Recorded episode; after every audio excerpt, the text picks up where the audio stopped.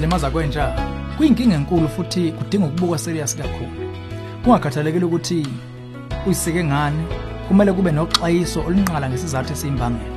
Ohlelane zomndeni sizobuka lesihloko eduze ngokwemininingwane ethe xaxa. Hlala nathi.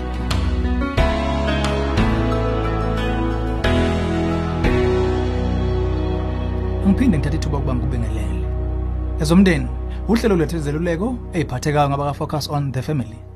Sithola umbuzo kumama okhathazekile ngendodakazi yakho uthe ngenze njani emkhubeni wokuzisika ndodakazi yami? Ngisanda kuthola mumva nje ukuthi unomkhubo wokuzisika ngizamile ukumtshela lokhu kuyangikhathaza enhlizweni. Ngize ngamtshela ngicela ukuyiphathela mina lesi simo ngokwami kodwa uvese agcwala ukugxeka nokungangethembi. Ngivese ngamthembisa ukumshiya kanjalo kodwa ngamvulela umnyango ukuthi uma engidinga angithinte uma nje sesifela isipoliyane sokuba yisike engqondweni yakhe. Ngicabanga kukhona esingakwenza sinayo kulungisa isimo kumbe ungazi kwami lokho nje. Ngokukhulu ukuhlonipha lokho yebo sicabanga udlala ungazi ngale ndaba. Ukuzisika inkinga enkulu kabi leyo. Imvamisa kuba nesiqe esijulile esiyimbangela. Esikhundleni sokumtshela ngeke usayikhathaza ngaye. Kumele ulumele igama lokuthi kumele abona nomeluleki okufundele alethe usizo.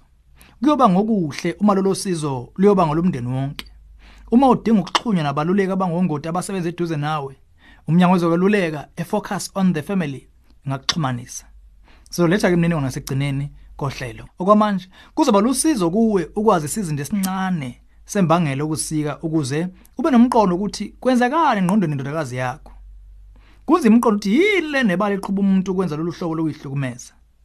Kuboya kuyimizwa yengcindezi ezedlulele nokukhungatheka. Abantu abasikayo imvama basuke befuna ukuyilawula. Uma ithini ihlukunyezwe kumbe ilinyazwe ngumuntu mumbe ukuzisika kusengaba inkolelo yokukhipha ubuhlungu ukuthi azibone opha. Isengafuna futhi ukunyusa ukukhipha lencindezi ngokuthi ayilimaze umbe ilimaze ngokwevile. Kwezinye izimo ingaba sesimeni sokuthi engezwa ubuhlungu azalangazele ukuzisika ze ezobuhlungu ngoba unento ethi ngifuna ukuthi ngizobuhlungu kube khona ubuhlungu obuphuma kimi. Ukusika kusengaba ngenye indlela ukukhipha ukudinwa kunokuxoxa kwabanye abantu. Kuzo zonke izimo ukusika kusuke kuyinkolelo yokulawula ubuhlungu. Umuntu osikayo kana kunqoba kuze kube ngukuthi azathola indlela efanele ukugudluza ubuhlungu enhlizweni asuke ebuso sikubecele nje ukuthi ukusika kuyaba iaddiction. Ngenxa ukuthi indlela yokulawula ubuhlungu singekubaleke njengokuzibulala.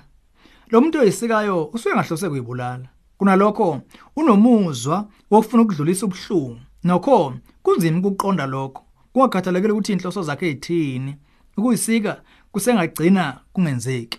Kuyingozi enkulu ukuthi izingane zingazisika zize zophe ngokwezinga elingagcina libiza ukuphila kwazo. Yingakho kuseqhuna ukuthola usizo longoti abakufundela ukubhekana nalesi simo. Lokho kuyichaza khona kungani udinga ukubuza indodakazi yakhe imibuzo eminingi. Bheka ukuthi ungahlukanisa yini umuzwa omfaka lokuziphatha?